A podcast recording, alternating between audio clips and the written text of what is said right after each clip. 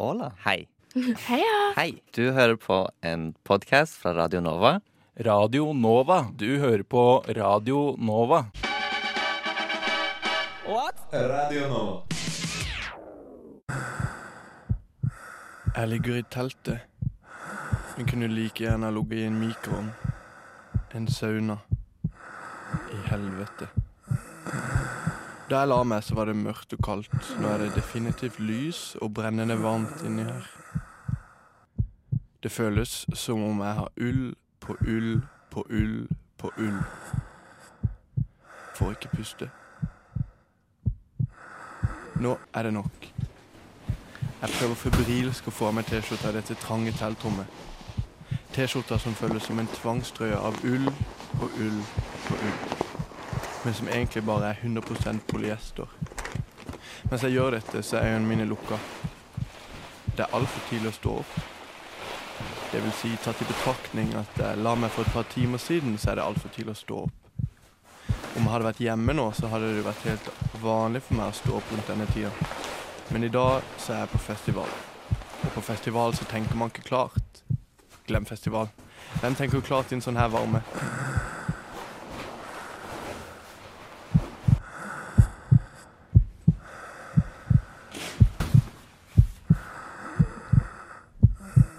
Hvor er vannflaska?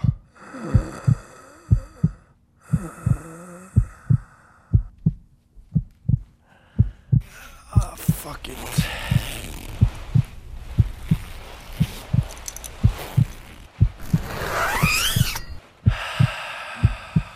Det var bedre. Jeg står der på alle fire og tar ett steg av gangen. En, to Høyre, venstre.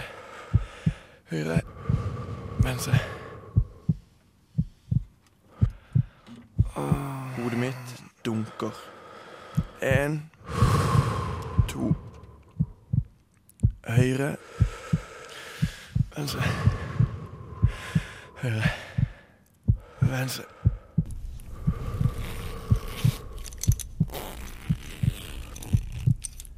Idet jeg åpner glidelåsen ut av teltet, så ser jeg en flaske vann ved teltet. Der, ja. Jeg strekker meg etter han, og så tar jeg en god slurk. Før jeg spytter det jeg ikke allerede har svella, ut igjen.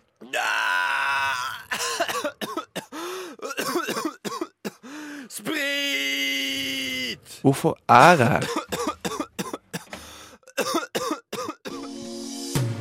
Hvorfor drar du tilbake til festivalen? Er det de kalde dusjene? Reparasjonspilsen? Er det gleden over å måtte kaste de skitnete og gjørmete skoene som kun er to uker gamle? Kanskje er du typen som til vanlig misliker å få tilstrekkelig med søvn, eller simpelthen bare digger følelsen av ikke ha vann når du trenger det som mest? Ingen av delene, sier du, ok? Men du er fortsatt villig til å dra tilbake? Hvorfor det? Hvilken kraft er det som er sterk nok til å dra oss hele tida tilbake til musikkfestivaler, til tross for at det er så ufattelig mye som skulle tilsi det stikk motsatte? Det spørsmålet det har jeg stilt meg selv mange ganger, og med denne serien her så søker jeg etter svar. Hver episode kommer opp med hver sin kraft og hver sin hovedforklaring. I denne episoden så ser jeg på festivalen som en sammensatt følelse. En deilig cocktail med ingredienser fra tidligere episoder i tillegg til noen nye faktorer. Henger alt sammen med alt når man skal forklare festivaldeltakelse, eller kan man peke på én enkelt hovedkomponent? Til nå har vi snakka om eh, festival som et brudd med hverdagen, sosialt, eh, en sosial arena, og det å gjøre festival. I eh, artikkelen deres så snakker dere også om festival som et sted hvor man opplever en eh, sammensatt eh, opplevelse, og eh, bruker dette til å forstå hvorfor folk drar til festivaler i store tall. Hvordan vil du forklare den sammensatte opplevelsen?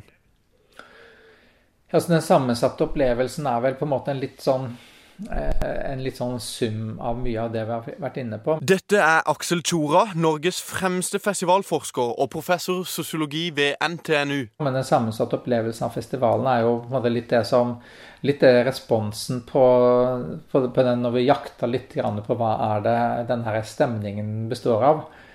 Vi hadde jo en, et, et sånt, sånt, spørsmål som gikk på, på en måte, hva, hva, er det, hvorfor er de på festival. Og så er den, det første svaret nesten fra samtlige vi har snakka med, som er over 100. så det, det, er på en måte noe med stemninga. Det er noe med stemninga. Og, det, og de sier det ofte sånn. Det er noe med stemninga. Du kommer inn i en slags stemning som du ikke kødder med. Det er en kjærlighet her, da. Woodstock-vibes eh, fra ende til annen. Og da kommer de inn på Eller da, da, kommer vi inn på Ja, men hva er det med stemninga? Og, og, så blir de litt sånn svært skyldige, fordi at de greier ikke å si spesifikt hva er det. Det er Nei, det uh, uh, Men det er da de kommer inn på det med den derre uh, At det består av mange ting, og det, det, det vi har beskrevet som den sammenståtte opplevelsen, som består av alle de folka hvor de kjenner noen, som består av at de de kommer sammen med noen, som altså en kjæreste, noen familiemedlemmer, noen kompiser, kolleger eller andre. Sånn at de alle på en måte føler at de har noen rundt seg eh, som, som, de kjenner, i tillegg til alle de de kan snakke med, eh, som er bekjente eller ukjente. Og det med eh, mat og drikke og, og god musikk, eh, som, er, som er en sånn viktig aspekt ved det. De mange respondentene som Tjora har vært i prat med, de trekker altså frem flere forskjellige kombinasjoner av hva festivalstemning er for de. Noen peker på de mange frihetene man har, f.eks. ved utvida rammer for oppførsel eller kleskode. Andre trekker frem ting som kan knyttes til festival som brudd, mens de fleste nok også vil inkludere musikk og kultur i det de skal beskrive hva magien i bunn og grunn består i. Et annet ting som flere peker på, kan knyttes til god mat og drikke. Kanskje er det en kortreist, miljøvennlig og økologisk attpåtil. Fint vær, korte køer og generelt, som Aksel sier Kvalitet i, i alle ledd, på et vis. da. Og lista, den fortsetter. Og igjen så er det verdt å understreke at disse elementene de er ikke nok i seg selv. Om du slår de sammen, så er påstanden at de sammen bidrar til noe større. En større opplevelse som er verdig å beskrive som festivalstemning. Kjærlighet, eller til og med magisk. Og denne festivalstemninga, dette større, det kommer så til uttrykk i fellesskapet. Men det som, eh, det som de kommer tilbake til på en måte gang på gang, det er på en måte det her eh, fellesskapet. Så du kan si at det som, det som vi ender opp som det viktigste på en måte, i en sånn sosiologisk analyse av festivalen, det er på en måte at, at den stemninga, det handler veldig mye om å på en måte forholde seg til alle de andre menneskene som også er på festival. Både kjente og, kjente og ukjente. Så man kan si at den sammensatte opplevelsen er veldig knytta til den opplevelsen som er sammensatt av en veldig sånn det tette sosiale, og det at man på en måte er, føler seg godt ivaretatt med, med god mat, drikke og mye bra musikk. Slik som han gjorde i episode to, så spiller fellesskapet en sentral del også i denne forklaringsmodellen. I tillegg så har teoretikeren åpna opp for å legge til flere kvaliteter. Summen den er en helt unik følelse som man kan kalle en stemning. Og denne er mer enn hva man hadde fått om man simpelthen hadde summert opp de ulike komponentene i seg selv. Ina virker å støtte opp om denne teorien, og de snilleste folkene som hun møter, de møter hun på festival. Og det er denne godheten som er nettopp det som best representerer alt festivalen er, ifølge henne. Og som sammen skaper det hun kaller en kjærlighet. Ja, så du, så du, tror på liksom, det du sier der, at det er en kjærlighet der ute liksom, på Roskilde? Absolutt. Uh -huh. Det er det, de menneskene Jeg føler alle forandrer seg på Roskilde. Jeg vet ikke om de er så hyggelige til vanlig, men jeg føler jeg kunne gått bort til hvem som helst og blitt bestevenner med dem. Eller bare ikke, Kanskje ikke beste, men bare ha det fellesskapet. Da. Det går gjennom alle som er på Roskilde. Det er 50 000 stykker som bor der, og alle er Jeg har aldri møtt et ondt menneske på Roskilde. Utenom den som stjal lommeboken min. Mm. Men eh, ellers bare hyggelige folk. Og jeg vet ikke om det er bare fordi hyggelige mennesker vil på Roskilde, eller om Roskilde gjør et eller annet med folk. Jeg vet ikke. Det er, ja, det er noe spesielt. Jeg føler egentlig det representerer bare hele den stemningen Roskilde er, fordi de snilleste menneskene jeg har møtt, er på festival. Det er bare snille mennesker her, eller liksom det er folk du kan stole på her, da. Det er ikke bare de tre vennene mine, men det er en kjærlighet her, da, som jeg ikke kunne funnet på, la oss si, Øya, eksempel. Ina Sletten er en dame i 20-årene som har bred festivalerfaring, og har etter hvert delt flere historier med oss i løpet av denne serien. I den eh, historien hun nå skal fortelle, så vil du se hvordan hun sitt møte med en festivaldeltaker satte det hun beskriver som en magisk stemning, på prøve. Det var dag tre av Roskildefestivalen i 2018, og vi hadde holdt på noen dager med masse drikking. Vi hadde kommet oss gjennom den forferdelige oppstartsperioden hvor du må finne plassen din, sette opp teltet, ikke bli gale av hverandre. Vi var gira på at festivalen endelig skulle begynne. Det er jo bare de første fire dagene som kalles warm-up-dagen, så det var bare litt artister, eh, små artister. Men det var bare dag tre, altså, og da, om to dager, skulle det endelig slå til. Jeg hadde vært på do, så var jeg alene, skulle tilbake til campen. Plutselig kjenner jeg at noen dytter forbi meg, og jeg faller bakover. Når jeg kommer til igjen, så ligger jeg på bakken og har slått hodet mitt mot en eh, betongblokk. En av de som holder opp gitterne rundt toalettområdet. Eh, de som hadde dyttet meg, var borte, og jeg klarte å karre meg opp igjen. Var i veldig panikk og prøvde å komme meg tilbake inn til campen. Hvor min venninne ventet på meg. Vi var helt alene, bare oss to. Inni en bit, bitte lite telt blant en stor guttegjeng som eh, hadde breiet seg utover plassen vår. Jeg kom til vennen min gråtende og hadde vondt i hodet. Jeg skjønte ikke hva som hadde skjedd. Jeg hadde jo blitt borte, jeg visste ikke hvor lenge. Og, men vi ble enige om, da. Du vil jo ikke innse at det er noe galt, så du tenker nei da, dette går over, dette går bra. Så vi ble enige, da, meg og min venninne som er, studerer sykepleie. Kanskje ikke den beste akkurat nå, men hun kommer seg dit sikkert etter hvert. At jeg skulle ta det rolig i en time, hvor jeg bare drikker vann, og vi bare ser hva som skjer. Men vi skulle jo feste, så da dro, dro vi for å feste.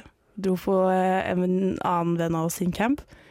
Og jeg var der, satt der surmulende og sippet på vannet mitt og kjente bare at hodet ble verre og verre, og lyden ble høyere og høyere, og jeg klarte ikke engang se på mobilen min fordi lyset var for skarpt. Etter en time så ringte jeg pappa, som satt hjemme i Norge og så på Skal vi danse med mamma. Jeg sa hva som hadde skjedd, jeg hadde falt og slått meg. Jeg kan uh, ikke se på mobilen min fordi jeg får så vondt i øynene mine. Jeg har ventet en time nå, og bakhodet mitt gjør bare mer og mer vondt. Og han sa bare 'Ina, nå går du til uh, en uh, førstehjelpstelt' og får, deg, får hjelp, fordi dette, dette, går ikke bra. Og det hadde pappa Sletten rett i. Ina dro fra førstehjelpsteltet og videre til en sykebil for så til slutt å ende opp på sykehuset. På sykehuset så skanna de hodet hos sitt gjennom natta, og da resultatet kom, så var det klart at dette var slutten på Roskilde for Ina dette året. Og så tenker jeg så trist. Samtidig er det jo litt beundringsverdig. Dama dro tilbake siden. Hun har ikke endra sitt syn på festivalen, og har gjentatte ganger i løpet av intervjuet beskrevet kjærligheten hun opplever på den samme plassen at hun klarer. Denne hendelsen er kanskje ikke liksom det man eh, ser for seg da, på dag tre hos Kilde. Det er liksom ikke the orange feeling, er det ikke det de sier? Nei, det vil jeg absolutt ikke si. Ja. Jeg sier si at, eh, og den kommer jo til å dra tilbake til Roskilde neste år. Ja, du tenker det? Ja, ja. Yeah. Det, dette er ingenting. Som, som sagt, det var ikke vondt ment. Det var ingen som med vilje prøvde å gi meg hjernerystelse. Personen jeg, bare, jeg er ikke noe sint på det vedkommende. Ikke for at personen gikk heller, for de skjønte sikkert ikke hvor ille situasjonen var. Men skulle sikkert bare forbi meg i høy fart, og da klarte å spenne bein for meg så at jeg falt bakover. Og det var, ja. Ingen, ingenting vondt med det, egentlig. Det var bare en utrolig kjip hendelse. Og utenom det at ingen visste hvor eh, førstehjelpsteltet var, var det en utrolig god opplevelse. Alle var så utrolig imøtekommende og tok meg seriøst, og jeg følte at jeg hadde den, den frykten om å ikke bli tatt seriøst, den ble bare borte med en gang. Og Roskilde er- kommer alltid til å være et spesielt sted i hjertet mitt. Akkurat sånn som jeg, kommer kom tilbake etter det året jeg ble frastjålet alle tingene mine også, fordi jeg vet at det ikke var Roskilde sin feil. Den, de menneskene som er der, det kommer nok aldri til å påvirke mitt syn av Roskilde. Heller bare forsterke det, egentlig. Utgangspunktet for denne serien er jo Hvorfor gidder vi?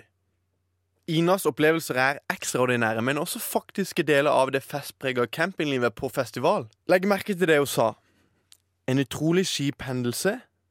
En utrolig god opplevelse. Jeg er smått forbausa der jeg sitter og tenker over at uh, dette egentlig ikke har gått inn på henne i det hele tatt. Hun sitter med en overbevisning om at folkene på den årlige festivalturen hos sin, det er de beste folkene hun møter i løpet av året. Dette til tross for at hun har møtt på folk som både har påført henne skade, tatt ting fra henne, med mer. Og det sier jo litt om hvor fint hun har det. Om det er folkene, alt det andre rundt, eller en kombinasjon som er forklaringa i dette fine, det er usikkert.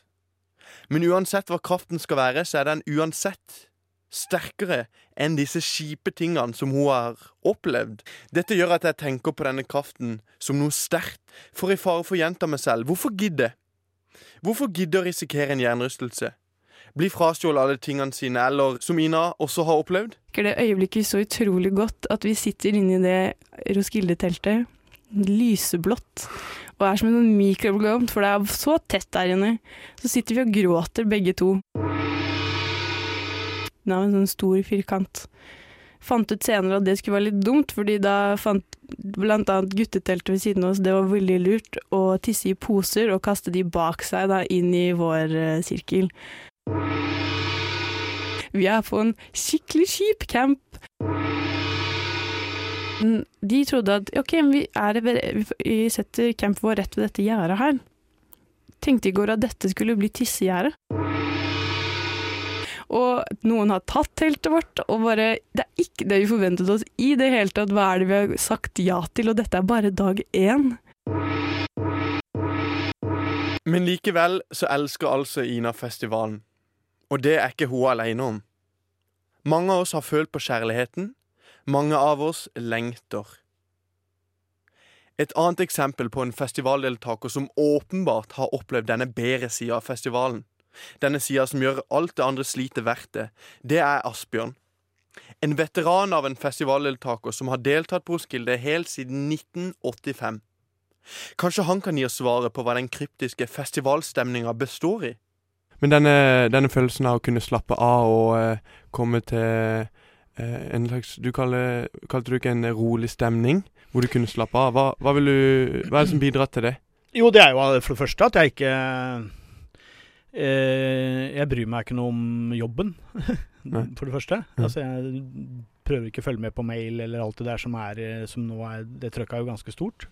Eh, så jeg kobler ut. Og eh, inntil nylig, inntil vi hadde full dekning på mobilen hele tida, og den funka hele tida, så hadde jo faktisk et slags avbrudd fra nyhetsbildet òg. Kunne Mhm. være på Roskilde i fire-fem dager og ikke vite hva som hadde foregått i verden.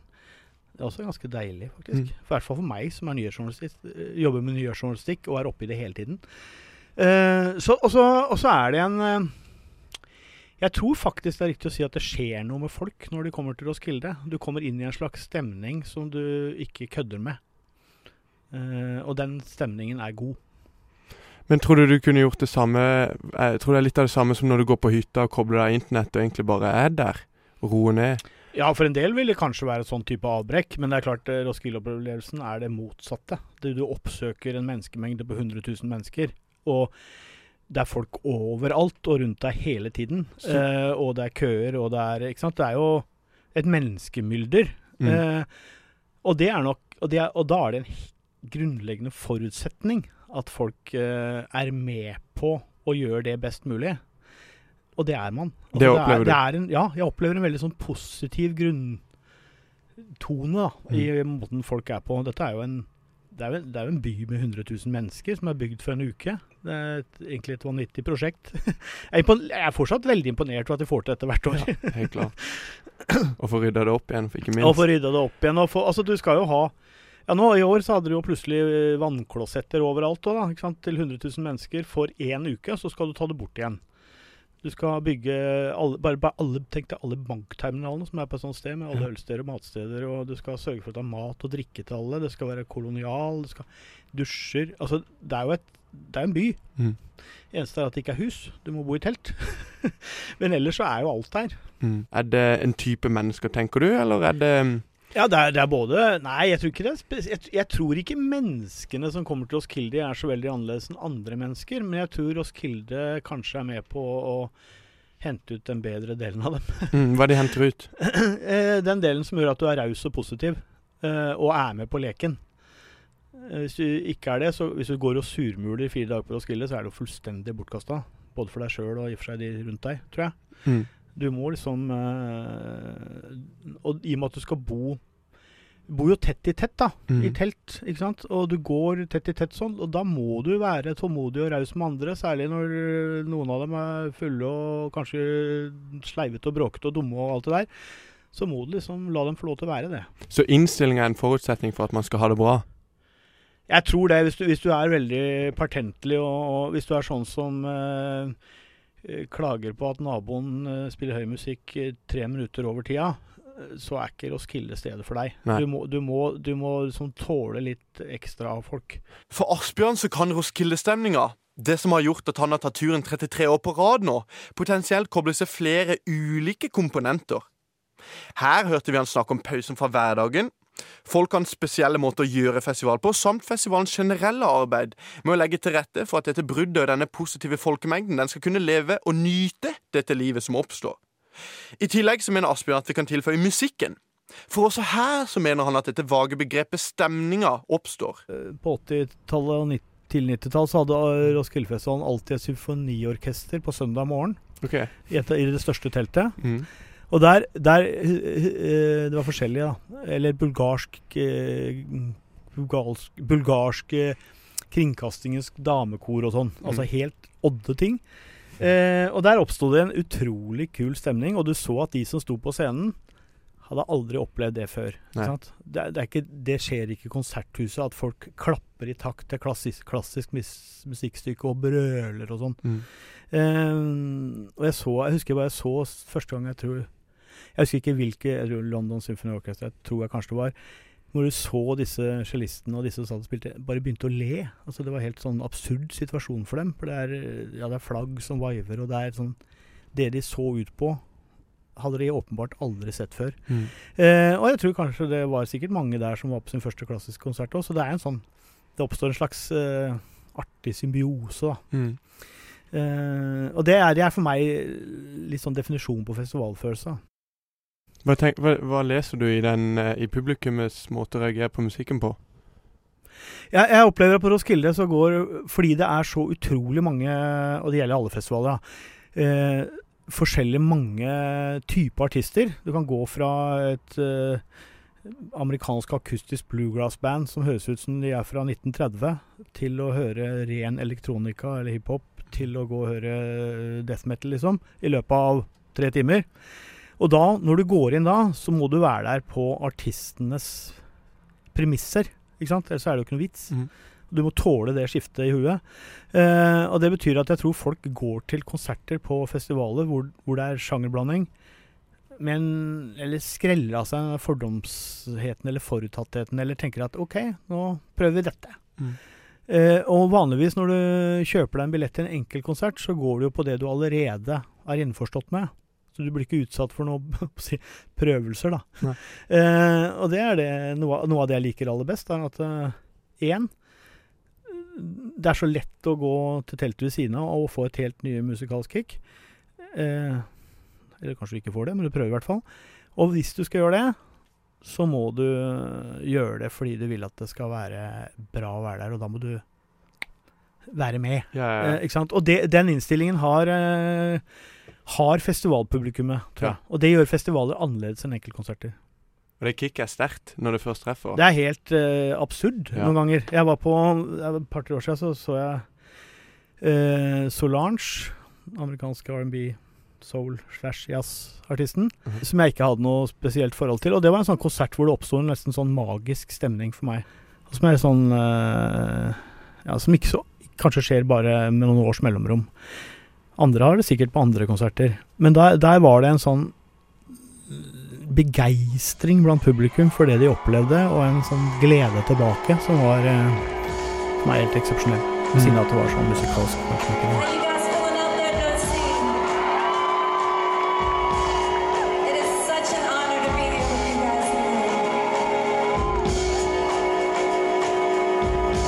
Ehm, du oppdaga Solange der, da. Tok du, hører du på i dag, f.eks.? Ja, ja. Ja, Altså, ja, altså eh, Når jeg hører på platene, så hører jeg den musikalske elegansen og alt det der. Men jeg, jeg hører jo ikke det øyeblikkskicket jeg hadde der. Eh, ikke sant? Eh,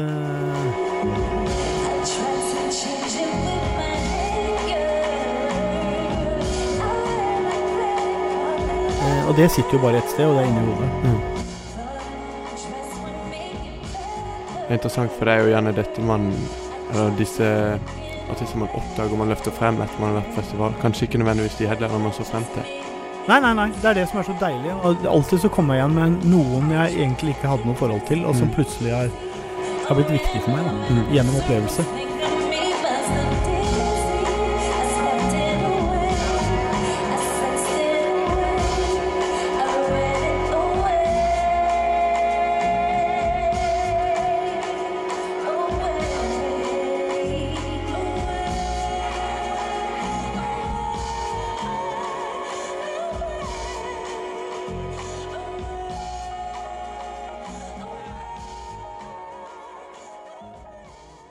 Nei, men det fins folk som eh, om, omtrent aldri kommer seg inn på festival-konsertområdet, men som har det så gøy der ute med venner og med alt det som skjer. Eh, og kommer hjem og har hatt det Ja. kjempefint. Mer enn godt nok. Rart. De aller flere Jeg tror hvis du tok bort musikken da fra Roskildefestivalen, så vil, ville bærebjelken forsvunnet. Da ville det kollapsa umiddelbart. Eh, for uten at, no, uten at det drar deg til de forskjellige opplevelsene, så vil det jo bli en ganske flat opplevelse for meg hvis jeg skulle sitte ute i den campen her i fire dager. Mm. Eh, Helt klart. Ja, så da det, det vil ikke gjort Altså, musikken og musikkopplevelsen er eh, helt avgjørende for disse Det er, det er musikkfestivaler som eh, som er blitt store, og som trekker 10 20 100 000 mennesker rundt omkring. I Norge har jo fått fullt av festivaler. Mm. Men alle baserer seg på musikk. Det er veldig få som har laget en stor festival hvor det bare handler om å sette seg ned og møtes. Mm. Det tror jeg ikke vil funke. Og det har nok Asbjørn rett i. Men ofte er det ikke musikken som er med på å avgjøre. Hvorfor blir f.eks. Palmesus utsolgt allerede før en eneste artist er sluppet? Når Findings Festival i Oslo, med samme musikkprofil, ofte står halvfullt? Hvorfor har vi en tendens til å velge å sitte i campen eller på en gressplen på matområdet når det er en bra konsert like rundt hjørnet? Det må jo være noe mer til festivalen enn bare musikken. Og I denne siste episoden så forklarte vi deltakelsen ved å peke på det noe uklare begrepet festivalstemning.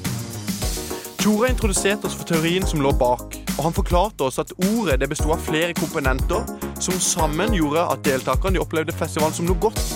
Noe godt det var vanskelig å sette ord på. Vi hørte at Ina refererte til denne stemninga som ren kjærlighet. Og dette gjorde til tross for en hjernerystelse og noen stjelte ting. Paradoksalt nok så var det nettopp i folkene hun så dette som mest. Avslutningsvis så snakker vi med Asbjørn Brekke om hans syn på festivalstemninga. Og i den forbindelse så snakker vi om at festivalen den kan gjøre noe godt med deltakerne. I tillegg så la han til at det var viktig at festivalen la til rette for at man skulle ha det godt i dette området, og at man hadde vannklosetter, en god musikalsk lineup med mer. Det har vært meg en glede å lage denne serien, og jeg håper vi alle har kommet litt nærmere et svar på hvorfor faen vi gidder.